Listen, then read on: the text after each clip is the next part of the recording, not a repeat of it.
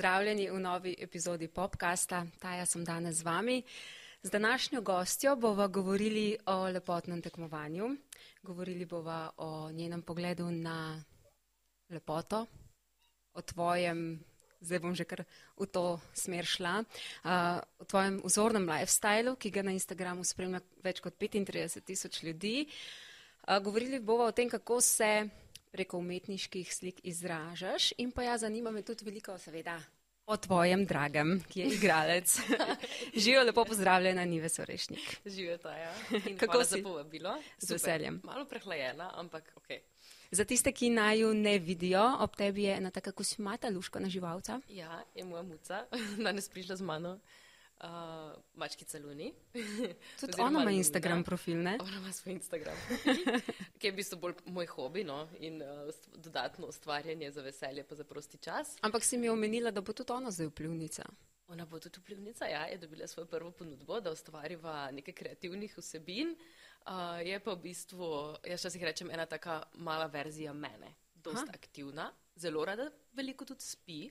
Okay. Zna grdo pogledati, zelo je zgovorna, veliko govori in mjavka. In ne more in biti očitno primerov. ima tudi talent, ne more biti primerov in očitno ima tudi talent za fotografiranje in snemanje. Ja, pozdravljena, Luna. Uh, Nives, greva za začetek na kratkih pet vprašanj ali Aha. ali. Vse omenjene zadeve opisujejo tebe, ampak zdaj me zanima, kaj v tem trenutku čutiš najbolj. Aha, okay. Dio Luna, bo Luna šla morda? Luna gre v varstvo, ja. jaz rabim pa zdaj čas, da se skoncentriram lahko. Tako. Hvala lepa, Kaja, za to, da boš čuvala Luno. Ali, ali je meni vedno najtežji, ker jaz rada ful overtinkam in premišljujem. Tako, tukaj moraš odgovoriti zelo hitro, prav? Ne razmišljaš. Estetika ali barve? Barve, Slikarka ali osebna trenerka? mm, slikarka, Mis ali vplivnica? mis, Kuža ali muca? U, zdaj očitno muca, včasih bil kuža, In še zadnji kava ali čaj. čaj.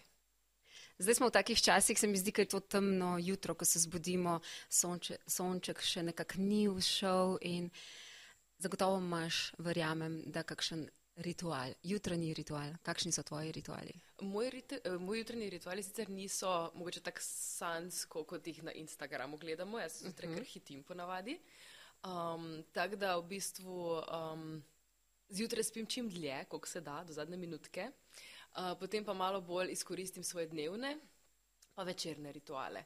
Zdaj, sploh ko je zimski čas, um, si rada pripravim kak čaj, zdaj recimo sploh, ko sem prehlajena. In, um, že z jeseni, v bistvu začnem že ful zgodaj, ingver in tako naprej, da okay. zgustam v bistvu svojo odpornost. Zdaj um, v tem le bistvu prazničnem, prazničnem času, pa mogoče bolj kot z dekoracijami, jaz rada praznično vzdušje pričaram tako, da um, naredim kak recept, skuham Aha. kaj, kak čaj pripravim in potem pridejo vse te začimbice, cimet, pomaranče, jabolka. Se pravi, cimet, kaj, kakšni upoštev. taki božični čajčki pa to? E, Božični čajčki morajo biti. Tudi za darila jih rada podarjam. Okay. Verjamem, da je to nekaj, kar so vsi veseli, ker nekako predstavlja domačnost. Ja. Si predstavljam, da se potem tudi zjutraj v posteli zbujaš um, ob partnerju, kadar je doma, in da je to eno tako crkljanje. A ti je on kdaj pripravi zajtrk? Uh, večinoma sem jaz tista, ki pripravljam zajtrke. Uh, prvič zato, ker zelo uživam v tem in jaz potem pripravim, uh, ali je to zajtrk, ali je to branč za vikend, uh, lepo vse zdekoriram in potem Lena včasih reče, jaz ti tako vse lepo pripraviš, da se jaz boljše, da niti ne vmešavam v, v pripravo. Tako da sem bolj jaz tista, ki pripravljam zajtrke zjutraj. Oh, s čim te pa potem pocrklja? On? Um, občasno um, me pelje v kino, rada greva na kak sprehod, um, včasih se javi in skuha kosilo, kadar jaz nimam časa. Okay. In to se mi zdi, da so tiste male stvari, ki um, naredijo v bistvu zvezo, oziroma vsaj najno zvezo, uh, bolj trdno, da si dajemo v bistvu nek suport poleg karijere, ko smo oba zelo bizi in nekaj so mogoče te romantične stvari, ki jih lahko narediš, ki so mogoče nekaj posebnega, pa čarobnega v razmerju. Tisto, kar je pa meni mogoče še pomembnejše, pa je, da znaš si tudi v stresnih obdobjih, v vsakdanjem življenju, ko si res bizi, da znaš en drugega začutiti, pa si pomagati.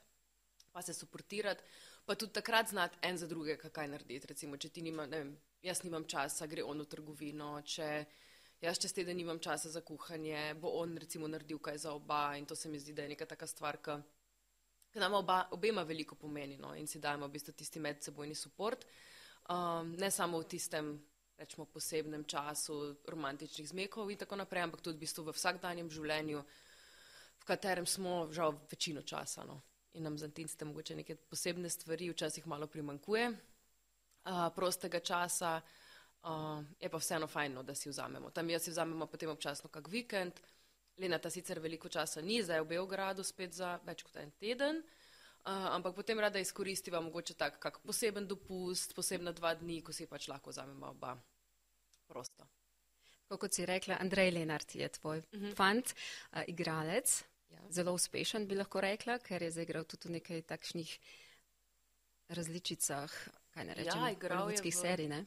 Ja, igral je v nekaj večjih hollywoodskih serijah, pa um, tudi filmih, nekateri še prihajajo, ne smem preveč povedati. Ja, to sem hotel vprašati. Koliko stvari ti on sploh v resnici zaupa že vmes, ker pač zagotovo so neke pogodbe, ko ne sme nikomor ja. nič povedati, ampak vsem ti si partnerica. Ne? Ja, jaz, zdaj mi dve dosti krat um, skupaj snemava njegove audicije. Okay. Ja, kar je zelo zanimivo, ker on potem igra tisto glavno vlogo, jaz pa berem ostale, ostale besedila. Tako da v bistvu sem jaz. Um, del uh, že njegovih audicij, teda malo pogleda imam. Sicer pa ponavadi že, ko dobijo audicije, nikoli ne veš čisto za kater film ali za katero serijo v bistvu audicijo delaš, lahko predvidevaš. So imena spremenjena, so podatki zakriti, tako da v bistvu že ti se začetni fazi sploh ne veš. Potem v nadaljnih fazah dogovora pa potrditve, pa včasih tudi jaz ne vem, dokler pač ni čisto procento, pa dokler ni uradno ali pa dokler sam projekt ne izide, ravno zaradi pogodb, pa zaradi pač teh določenih pogojev, pa se mi zdi, da uh, smo oba tok v tem poslovnem svetu, da tudi jaz to razumem. No. Ne vzamem zdaj tega osebno, pa da bi rekla, ok, jaz sem tvoja punca, meni moš povedati, drugim ne, meni pa bo pač. Ampak veš pa, s katerimi igravci igra morda? Um, včasih, po mojem, odvisno malo od njegovega navdušenja, koliko uh -huh. pač uspe zadržati za sebe, koliko pa pač uspe naprej povedati. Uh, tiste stvari, ki jih pač lahko pove, mi jih pove, uh, potem pa preko slajtek tudi objavi kaj na socialnih omrežjih, pa potem že vsi vejo, ampak ponadi so vsi potem, o, kako je to, nismo vedeli, pa zdaj, mm -hmm. ja, jaz pa ne vem, vem, to je že bilo ne pol leta nazaj. ja, ja. To, ko mu pri, pomagaš pri audicijah, uh mhm. -huh. se moraš tudi ti vživeti v te vloge, lahko samo bereš tako hladno, ali moraš biti ti, tudi tista energična, karkoli že. Eh, odvisno od audicije. Teda jaz vedno čakam navodila. Večinoma je navodilo tako, da moram, bit, um, da moram brati bolj potiho, čim manj padljivo, zato da pač pride njegova vloga bolj do izraza. Uh, ponavadi se ne oponaša glasov, recimo, da če ima moško vlogo, da potem tak, na tak način govorim, ker se ful smešno izpade. Pač cela audicija izpade čist neprofesionalno, če ženski glas poskuša biti moški glas ali pa če moški glas poskuša biti ženski glas. Tako da čim bolj v bistvu neopadljivo, kdaj pa če rabi, recimo, zato da sam svoj del naredi boljše, mogoče kako vsaj malo, ne vem, neko čustveno reakcijo ali pa malo več um, življenja v besedilu, pa mi da pol navodila. No. Ampak, ko pa vadi, naredimo vse. Ampak, ko pa vadite, pa lahko daš kaj več sebe, ker tisto tako ni posneto. Ko vadimo, eh, ponovadi ne vadimo, gremo kar posnetno. Ja, tukaj imamo malo časa, da kar prižgeva kamero. Jaz enkrat preberem un tekst, potem pa, pa mene ponovadi se sploh ne vidi na kameri. No. So imeli tudi kakšne skupne audicije, mm, recimo, pa, če iščejo pare, uh -huh. uh, se dosti krat vključiva. Ne spomnim se pa, če smo že uspela kak skupen projekt narediti, mogoče zdaj trenutno nimam v glavi. No. Pa imaš no. kakšne ambicije, kdaj karkoli takšnega poskusiti? E, da bi še jaz kaj takšnega ja. naredila. Mislim, jaz sem se eno obdobje malo spogledovala tudi z modelingom, uh mhm. -huh. pa mi Slovenije sem bila, pa delala sem, mislim, še zdaj hodim na audicije za reklame, ampak za kakšne manjše vloge, ne preveč igrane. No. Se mi zdi, da vseeno nisem um, toliko sposobljena na tem področju um, in nisem preveč samozavestna, zdaj, da bi mi rekla, ok, imam neki igralski talent, da bi lahko vem, to počela. Se mi zdi vseeno neka odgovornost, tudi, da prideš. Vem, enkrat ti prideš na svet s profesionalno ekipo, nimaš neke možnosti za napake, pa da se boš tam učil, pač zapravljaš njihov čas in denar na koncu. In se mi zdi, da moraš biti kar dober, da lahko pol tudi v bistvu um, doprineseš k projektu tisto, kar moraš. No.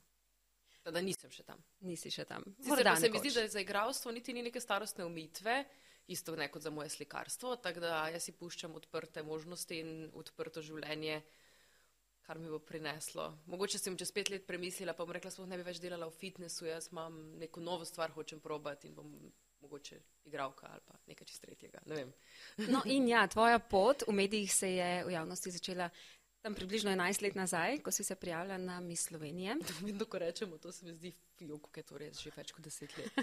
Meni se zdi, kot da je to bilo včeraj ali pa par let nazaj. Uh, še vedno, ne vem, 80 leta se mi zdijo 20 let nazaj. In bolj kot nekdo reče, ok, to je bilo 10 let nazaj, je že kar tak, ok, zdaj Vem, takrat so me spraševali, kje boš čez pet let in zdaj sem tako, ok, zdaj pa že deset let. Kaj sem takrat rekla, da bom čez pet let? Kaj si rekla takrat? Da, ja, ko sem bila mi, sem rekla, da bom slikarka. Zdaj še nisem. Takrat sploh nisem razmišljala, da bom fitness trenerka. Aha, ok. Ne, takrat to sploh ni bila ideja, sploh ni bilo v. v... Prijavila si se v bistvu na casting, takrat sploh ni bilo klasičnega izbora, ko si ti tekmovala. Ne, takrat ni bilo klasičnega izbora, jaz sem v bistvu dobila tak en full spontan klic. Nives, imamo en ful dober projekt, pač pridi, pridi, uh, ne boš, uh, je to. Takrat tista ženska, ki je imela licenco, je, um, me je tako dobro me poznala, da je vedela, da se jaz zelo dobro počutim v castingih, pa v, v to vrstni obliki, v bistvu nekega izbora, da pa mogoče nisem preveč um, domača s tem, da bi vem, hodila na veliko predizborov, da bi, um, vem, mi ful pomenili ti neki, ne vem, izbori na televiziji in tako naprej. Um, in to, ko me je poznala, da je vedela, da se bom dobro znašla, no? da sem tudi tako zrela, ker je bilo takrat treba čez 14, čez 14 dni ali 3 tedne, bilo treba iti na Kitajsko na, na svetovni zbor. Ja? In so me klicali, v bistvu, za tisto audicijo. Klic je bil, mislim, da v sredo četrtek, do petka okay. sem mogla potrditi in v nedeljo je bila audicija. Teda je bilo res hitro, hitro, hitro. Jaz gledam, googlam, Miss World, kaj je to, aj to za mene, ali to kličem vse, kar sem jih poznala, a naj se odločim, a naj se ne, ne odločim. Bila sem pa ravno v takem obdobju, ne vem, takrat se mi zdi, da, da bi rabila v bistvu neko mogoče malo spremembo, pa takrat sem se prvič v bistvu spustila v nekaj, kar mi je prišlo v življenju nasproti, pa ni bil ravno moj plan. Tako mogoče prvi eh, stik z neko malo bolj tako spontanostjo v življenju. Uh, jaz sem se takrat ravno s prvim fantom se razšla, uh, dedek je umrl, se spomnim, in ravno poletje je bilo, ko je bilo tako malo manj faksa, pa malo manj dela s tem. Um, in sem rekla, ok, zakaj pa ne, mogoče pa je to nek znak ravno zdaj, da moram iti probati. In pač očitno je bil, ker potem sem dobila audicijo. Um, čeprav je bilo v bistvu zelo zanimivo ravno tisti moment, ko sem jaz prišla tja, še malo v. v v neki zmedi, ker v osnovi niti ni bila moja želja, čisto iskreno, niso mhm. bile to moje vem, otroške sanje, jaz enkrat želim biti mis. In potem imaš včasih kar tako občutek, a si jaz za to zaslužim sploh, ali si mogoče ne. Ker si nekateremu, ker si nekateremu tako bolj želijo. želijo. Ja. Po drugi strani. Pa, ok, oni verjetno iščejo nekoga, ki bo primeren, jaz niti ne vem, s čim naj se pokažem, s čim naj se dokažem. Ampak najbrž so oni takrat biti? iskali nekoga, ki vejo, da bo opravil svoje delo, ker si mogel morala si vseeno čez tri tedne spakirati in iti ja. na Kitajsko za kar nekaj časa. Ne? Jaz mislim, da to in pokaj se spomni, bilo vprašanje, zakaj misliš, da si ti najboljša izbira med puncami? In kaj si odgovorila? Ne vem, pač iskreno, vi ste me poklicali, jaz ne vem, vi veste merila, vi veste, kaj rabi mis, lahko me spoznate, veš, koliko me lahko tu na kratko spoznate. Pa par ljudi, mislim, Slovenija je fulmala, bodimo iskreni. In par ljudi, ki so bili tam v ekipi, so me poznali iz različnih, ne vem, drugih projektov, imamo Google, vse dan tam lahko že pogledaš, poiščeš, poprašaš. In sem rekla, pač načeloma boste vi povedali, ali sem primerna ali nisem.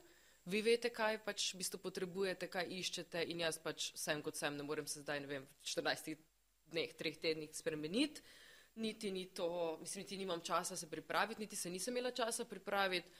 Pa tudi zdi se mi neumno delati nek umeten vtis, pa delati se nekaj, kar nisem. No. To imam že od nekdaj, takrat smog dobim ali pa nek odpor, da, da bi mogla delati nekaj, kar ne vem, ni v nekem skladu z, z mano.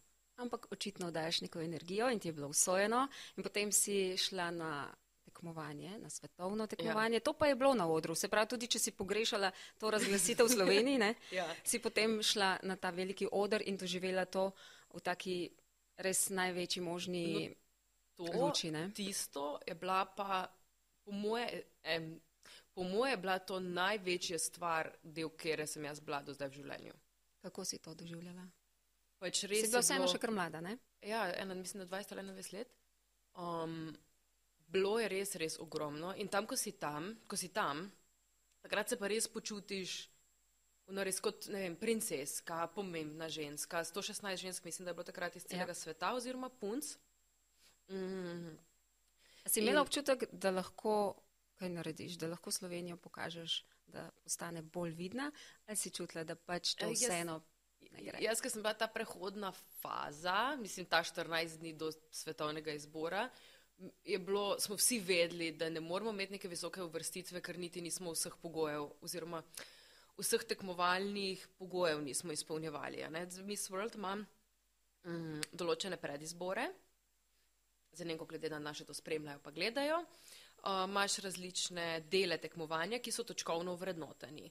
In en izmed najbolj pomembnih uh, segmentov in tudi točkovno največ ovrednoten je individualni intervju, ki ga tam narediš z licenčniki, in pa mm, Beauty with Purpose se imenuje. To je pa um, skupek ali pa neko poročilo uh, dobrodelnih oziroma ja, dobrodelnih humanitarnih nekih akcij, ki jih vsaka prej. država dela Aha.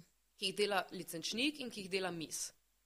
In se mi zdi, da Slovenija tega ponavadi niti kaj dosti ne odda, niti kaj dosti se na temu ne dela, bolj se dela na temu ne vem, medijskemu imidžu, mis je manekenka, pevka, igralka in tako naprej. Sam projekt Miss World, kot sem ga jaz začutila, takrat, ko sem bila, je pa res velik, dobro, mislim, kot neka velika dobrodelna fundacija. Ne vem, oni delajo res velike, pa res take zanimive projekte, ki mi mogoče v Sloveniji sploh ne vemo za njih.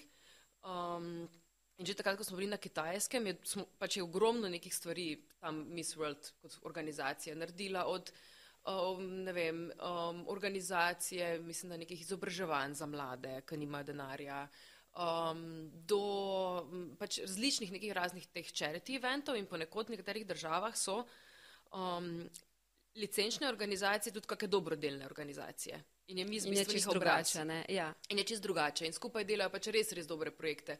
In bolj, ko si tam in vidiš ono, kaj je beauty with purpose, in bolj sem se spomnila, kako se, ne vem, mi slovenci delamo norca iz World Peace, pa tega, ko pač mi se reče, ne, "Ja, World Peace, pa, no, pa se mi vsi temu režimo.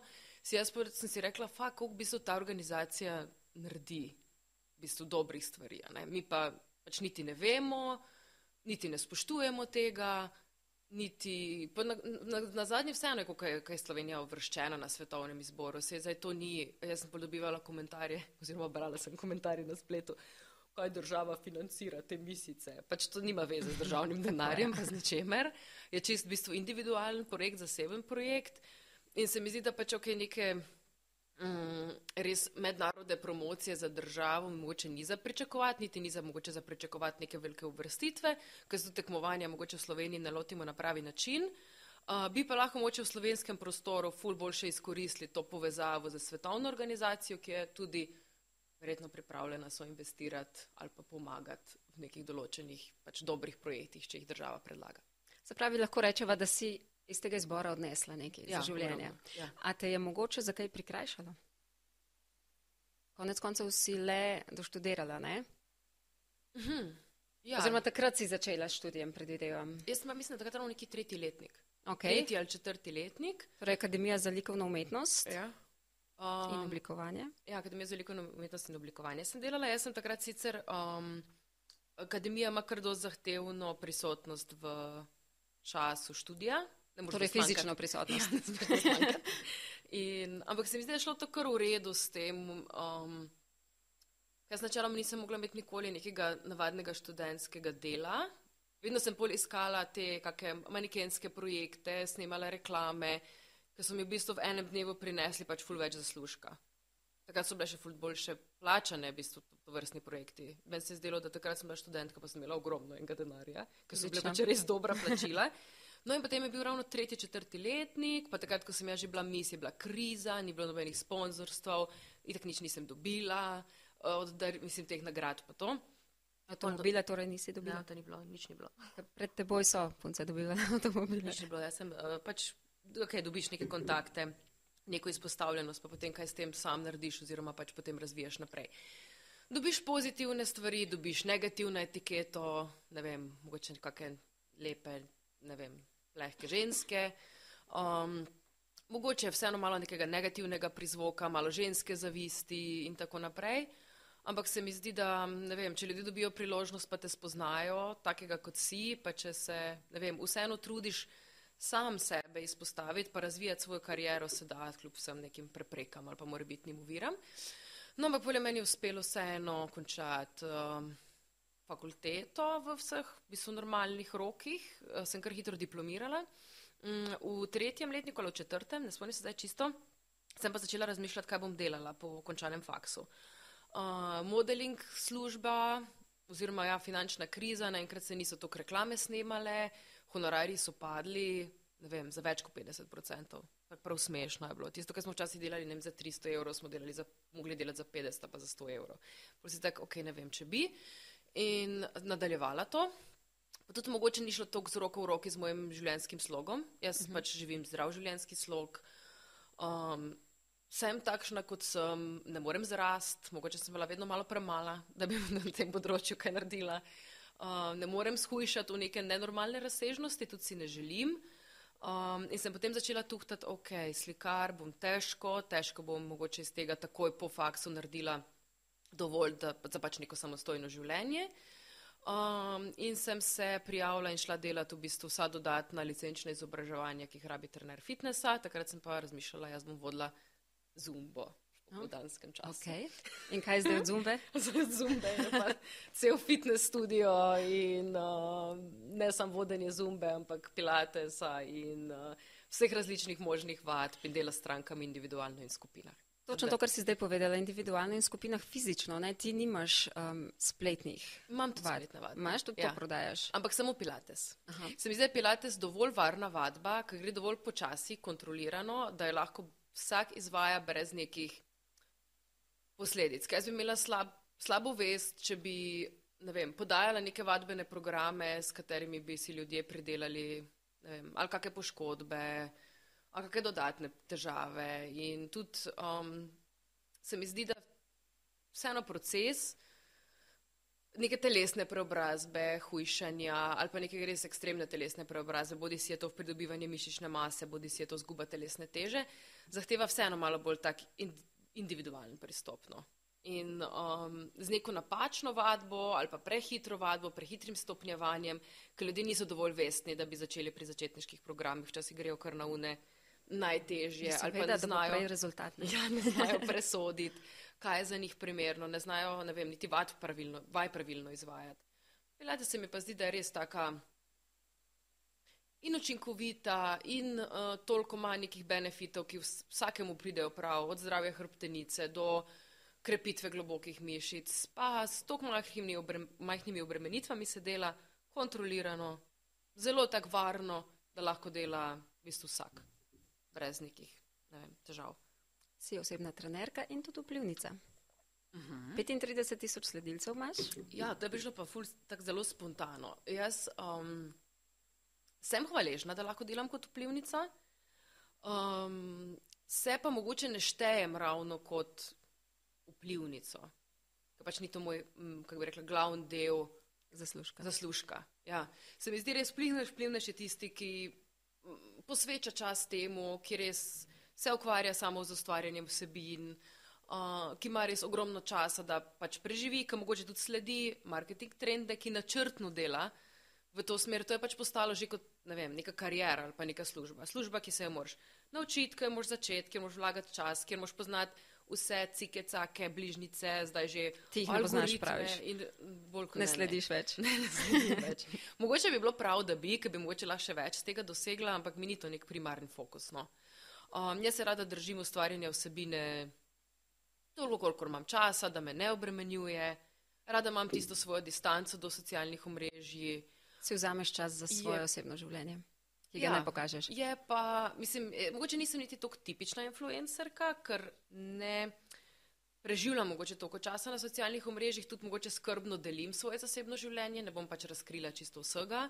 Tudi mi dva z Lenartom mogoče neke stvari zadrživa bolj zase, kot da bi ne vem, jih javno izpostavljala, pa kot da bi jih delila z, z vsemi sledilci.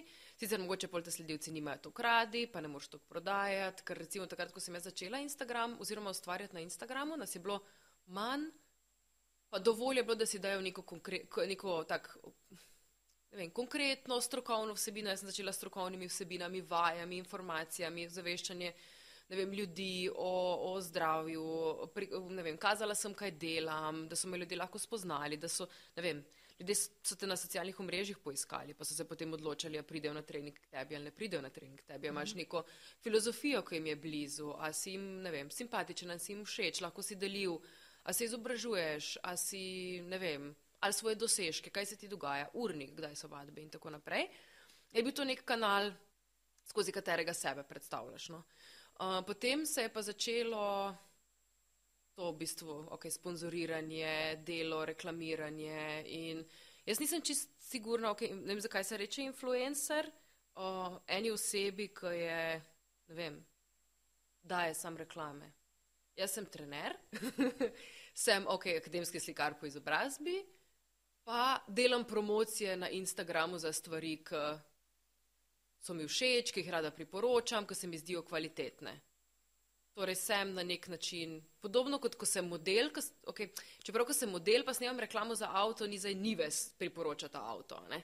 Na Instagramu pa nives priporočata izdelek. Tam si no name, tu si le svojim imenom. Ker je le tvoj medij, ne?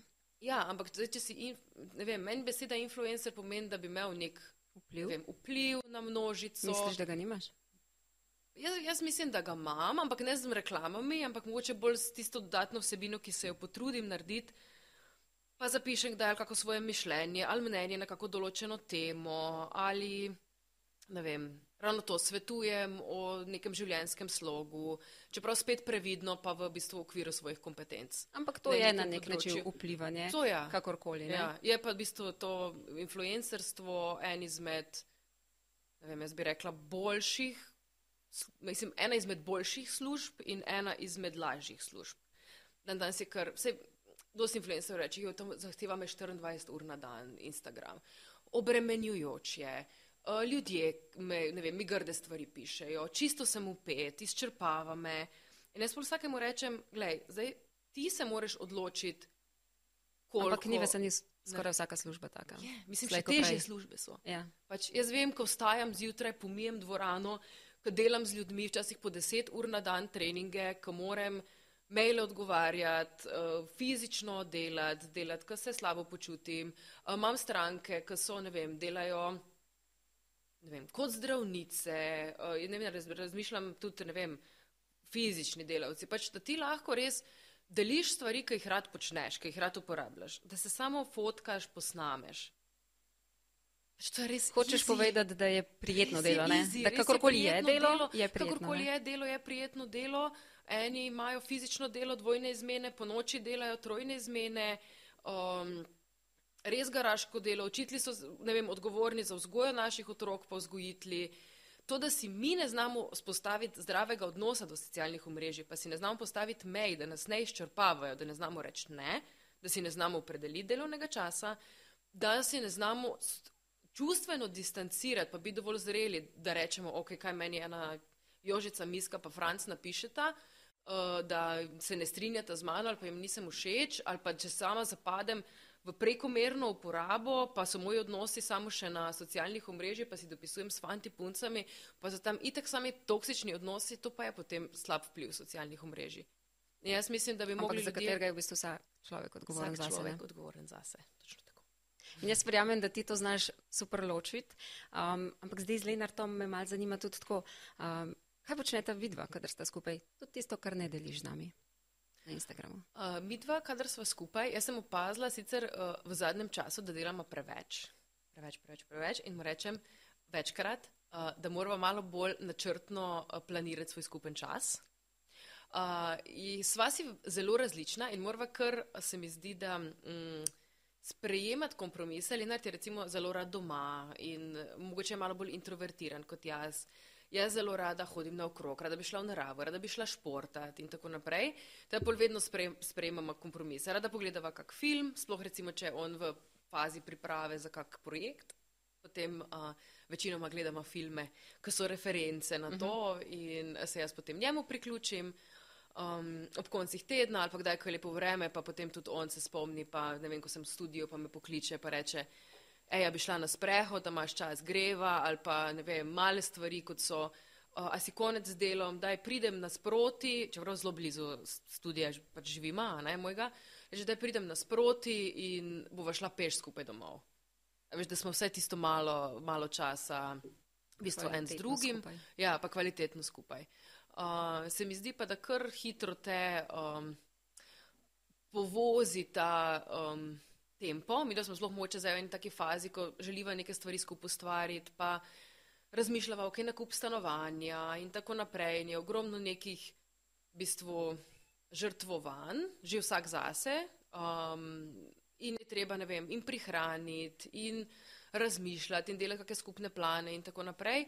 In se mogoče oba potem rečeva, dobro, zdaj pa mogoče en čas, ne vem, ali pa ne bova šla na kosilo v center, čeprav bi jaz mogoče šla, ko sem imela kuhati za vikend, pa bova rajši, ne vem, nekaj doma skuhala. Ne, skupaj. Ali pa bova skupaj, ne vem, pospravila stanovanje, ker drugače ni časa. Uh, ali pa jaz... kdaj z tabo na vadbo, a kdaj njega učiš? Vem, da je tudi on športen, se mora biti, mora biti fit. On rad hodi sam na fitness, Jaz ga sicer osvajam, da bi kdaj prišel na kak, na kak moj trening, pa provat pilates, ampak um, on ri rad na svoje treninge. Takrat, ko pa imam jaz prosti čas, če bi bil njegov predlog, ni vas greva na trening, bi jaz rekla, prosim, lah, prosim, ne. Jaz ne bi delala v prostem času. Tok imam vaj v glavi, tok imam vsega, sam ne bi šla na trening. Reži grem bolj kaj teč, ali pa v hribe, ali pa kaj takega. Um, pa se mi zdi, da tudi mi da včasih se greva skupaj um, ustvariti kako vsebino, recimo, da kaj ne vem za njega posnameva, pofotkava kaj za mene, pa mogoče pol to združima pol z nekim v bistvu tudi skupnim časom. No. Okay, doma si rekla, gledata filme, ker pač jih nekako tudi morta, ne? oziroma jih more Andrej. Zdaj pa tako. Um, na potovanja greva rada. Tudi. Na potovanja gresta rada. Ja, to pa je okay. najbolj organizator potem. No, pa če ja. so pri potovanjih, kam bi šla zdaj naslednje? Uh, jaz imam tako, če res drugače ne maram mraza preveč, ampak imam eno tako željo za že ne dve leti, da bi šla na Islandijo. Uh mhm. -huh. Nekje sem enkrat videla pri eni uh, kolegici na Instagramu, uh, koliko je tam lepa narava in okolica in sem rekla, to, to si enkrat želim, Islandijo. Lenart ima željo Južna Amerika.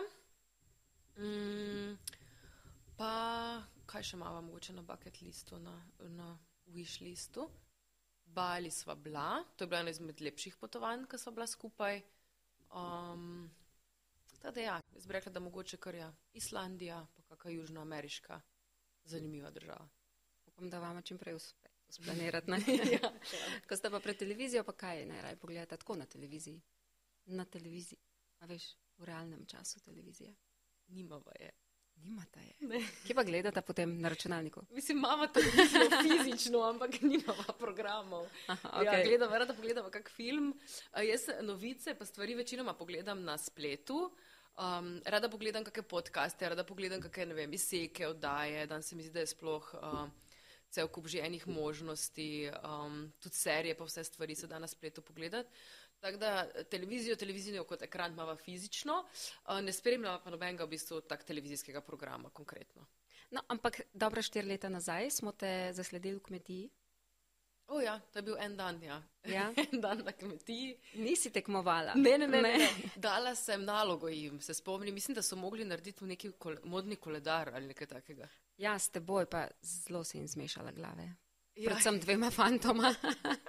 Ja. Takrat sta bila dvojčka, ne? Čakaj, kakšne že nima ime? Jan in Tilen? Ne. Ja. Jan in Tilen. Oj, oj. Ja, Tilen je bil nekako zelo zaljubljen vate tisti dan. Ja. Tisti dan, ne? Ja. Skupaj tisti dan, pa še to pri njima, ne vem, a je bilo sam za sceno. Aha, ne veš, če je bilo pri njima to, ja, pri njima nikoli ne veš, kaj, kaj je zares, kaj je zares zadaj. Ja. Ampak kako si doživela ta dan, ker konc koncev na snemanje takega resničnostnega šova nekako nihče zunanji ne more drugače priti, ti si pa imela na en tak lep sončen dan možnost en dan preživeti z njimi. Ja, jaz eh, nikoli nisem razmišljala, da bi recimo šla v kmetijo kot v reality show. Ko sem dobila povabilo, da bi pa tak, mislim, da bi imela celo možnost ostati dva dni z njimi, samo jaz nisem imela časa, ker sem mogla drug del. Da, da nisi hotela na seniku spati. to bi, to bi, ja, jaz sem drugače tak eno tudi. Uh, Všeč mi je na nek način, jaz, eh, Lenart mi je, pazi, za 30 let mi je dal, da sem mogla iti, mislim, ne da sem mogla iti. Prijavil me je, tukaj večinoma otroci grejo, či, uh, čistiti živalski vrt, pa živali hraniti. Aha, en dan za skrbnika. En dan oziroma za tako, ja, skrbnik za živali. Skrbnica. Zdaj čakam še, da bom mogoče kdaj skrbnica kakšne kmetije, ker so mi ful res všeč živali. In bi res rada enkrat to doživela. No. Ne rečem, da bom enkrat imela jaz kaj takega svojega, no, eno kravico, mogoče tudi. Zajčka. Ja, eno hm? kravico, zajčka, mačkico luni in cel kup živalc. Uh, tako da sem navdušena nad tem. Tak mi, sam takrat mislim, da niso imeli nič živali. Zato mogoče nisem hotela ostati. Aha, če bi bili živalce, potem bi. Mm. Čeprav mislim, da smo se z nekimi kozami fotkali, če, če imam prav spomino. No, in je bilo pa zanimivo, nekako je za en dan ali pa za dva dni bi pa šla da malo vidim, pač, kako realno to zgleda. Ker stik s televizijo sem imela, z resničnostnimi šovi pa iskreno še ne. In takrat mislim, da je bilo prvič. In, in mi je bilo v bistvu ful, res, res zanimivo. Sedem se pa tako, uh, uh, ful sem imela občutek, jaz sem prišla tja kot, ok, neka znana osebnost, ki pride na kmetijo. Ampak oni, ti tekmovalci, se mi zdi pa, da oni so se pa počutili še večje zvezde kot jaz. Okay. Oni so bili prav, gledaj, kaj mi delamo, tu, zdaj bom jaz to povedala, zdaj grem na izjavo, zdaj bom jaz bom to naredil. To. Oni so bili res, tako se mi je zdelo, ok, vi ste tu večje zvezde kot jaz, v bistvu. Jaz sem prišla kao kot znana oseba k vam. In je bilo res zanimivo, ker so se res. Da so oni doživljali to tako, ne? Ja, oni to sploh še niso to, videli, kako izpade na televiziji. Ja, to je, pa sploh verjetno se niso še zavedali to, a pa so že vedeli, če je bilo preteklih toliko, da je kaj lahko dejansko iz to tega bolj iztržiš mm -hmm. in koliko dejansko ljudi te gleda in koliko si popularena. Ne? In po moje, zdaj, če ne vem, koliko produkcija kaj zaupa jim, kakšni so odzivi, da mogoče res se bolj počutijo, kot da cela Slovenija jih gleda ne? in cela Slovenija za njih navija in se ful trudijo. In, um, nisem pa imela nekega tako občutka, da bi bili zelo tekmovali, ful so bili povezani. Uh mhm. -huh. Po moje, okay. dosti bolj, ko, se, ko sem pol gledala jih na na, na televiziji. Na televiziji ja. Mhm. Ja, ja. Ni bilo toliko tiste tekmovalnosti začutiti, pa nekih taktik, pa nekega rivalstva, kot dejansko sem pol gledala. Recimo, jaz, kot sem jih tam spoznala, pa gledaš kako izjavo na, unih, na televiziji, pa ki se reče, ok, to je ista oseba. Ne vem, koliko je to ista oseba. Se pravi, tudi to je bila zate ena dobra izkušnja. Uh mhm. -huh. In zdaj, če, če, po, če pomisliš tako od vsega, kar si počela v življenju, v tem trenutku tudi vodiš tečaje slikanja. Uh mhm. -huh. Kaj ti najraje slikaš? Na tečajih morajo, kaj se na tečajih slika? Je drugače kot tisto, kar ti potem sam doma ustvarjaš? Na tečajih je načeloma čisto odvisno od motiva. Danes imamo ravno zvečer en tečaj, imamo abstraktno slikanje, okay. ki se mi zdi eno izmed najtežjih. Što najraje? Na, najraje? Uh, jaz bi rekla, da ne, jaz ne. osebno ne. Uh, pa, tudi pri ljudeh, um, mislim, imam rada, Takrat, ko rabim un svoj terapevtski moment, pa sam odklop, ker za mene je včasih slikanje kot meditacija. A veš, ko greš uh, meditirati, odmisliš vse svoje, v bistvu vsakdanje skrbi, pa hočeš malo mogoče neko svojo podzavest spodbuditi, oziroma čist pač umiriti ta vsakdanji hrup, ki ga imaš. In mm, se mi zdi, da slikanje, ravno to, v bistvu, jaz dosežem to za slikanjem. No ker sem ravno prisotna samo za tisti ono, okay, kvadratni meter platna, barve in kaj delam. In si v bistvu ujet v tistem momentu in razmišljaš samo o tem. In nimaš časa razmišljati o stresu, o skrbeh in takrat se tudi največ problemov reši. Recimo, eni to naredijo med tekom, enim je tek, taka mhm. meditativna uh -huh. stvar. Meni je slikanje in takrat se bom vedno lotila takega spontanega slikanja, brez načrta, pač kamor me peljejo barve, kamor me, ne vem, pelje pol platno, pač kar, ono delam kar nekaj po občutku. Ne? In pa tisti notranji občutek te pač pripelje do neke končne slike in to je neka taka lahko okay, terapevtska različica. Um, pravega, v bistvu tako, če bi rekla, ok, hočem pa res neko konkretno, ne vem, slikarsko delo narediti, se bom pa jaz vedno lotila bolj nekega konkretnega motiva. Zdaj, ali bo to, ne vem, tiho žitje, ali bo to akt, ali bo to uh, portret, ali bo to, ne vem, um, nek motiv iz narave, ali bo to nek, ok, čist fantazijski motiv, samo da je nekaj konkretnega, ker včasih me preveč izbire. Uh, Zmede, podobno kot vsakdanje življenje. Danes se mi zdi, da smo v nekem obdobju, ko imamo ful preveč impulzov in ful preveč izbir, in ker toliko izbire, dobiš pol kar tisti malo občutek neke anksioznosti uh mhm. -huh. ali pa neke zmede.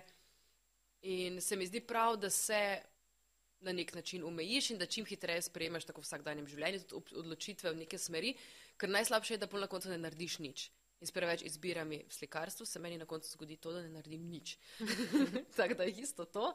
Rabim vsaj neko smernico. Ali je to, ne vem, barva, ali je to občutek, ali je to um, neko čustvo, ali je to neko sporočilo, ki ga hočem predati, ali pa je to pač nek konkreten motivno.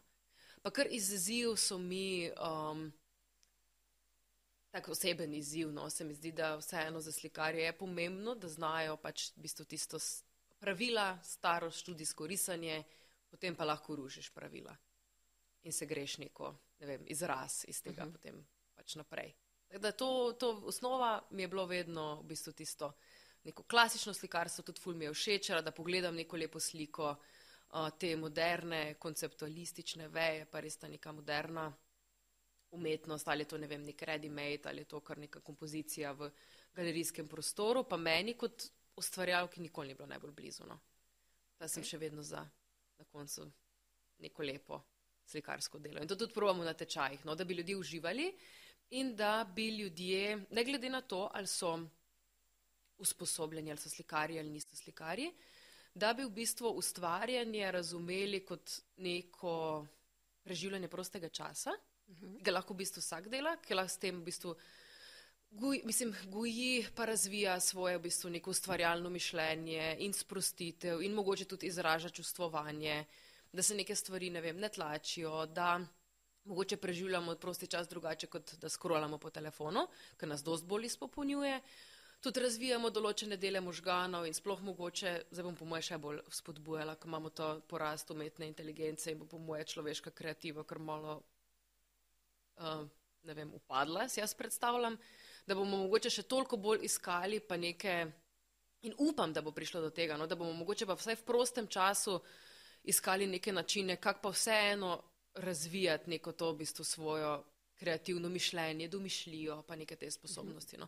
Ker to se mi zdi, da nas tudi ohranja in, in mlade in zadovoljne in srečnejše in ne vem, malo otroka ohraniti v sebi tudi ni nikoli slabo. Uh, na koncu se mi zdi, da so ljudje vedno zdravi, pametni. Ja, dobro počutijo.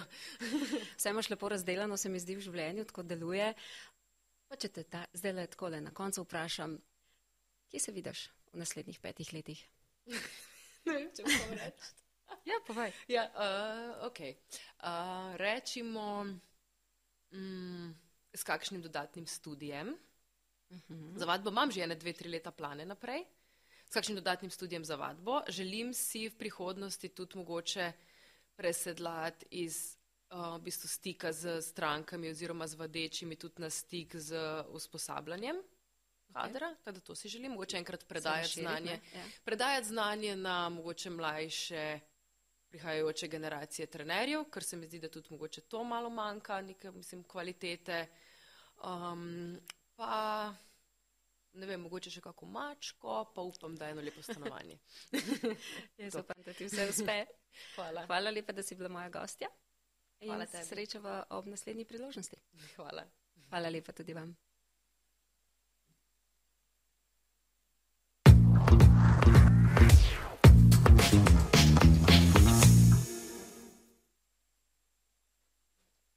Hm? Amuti.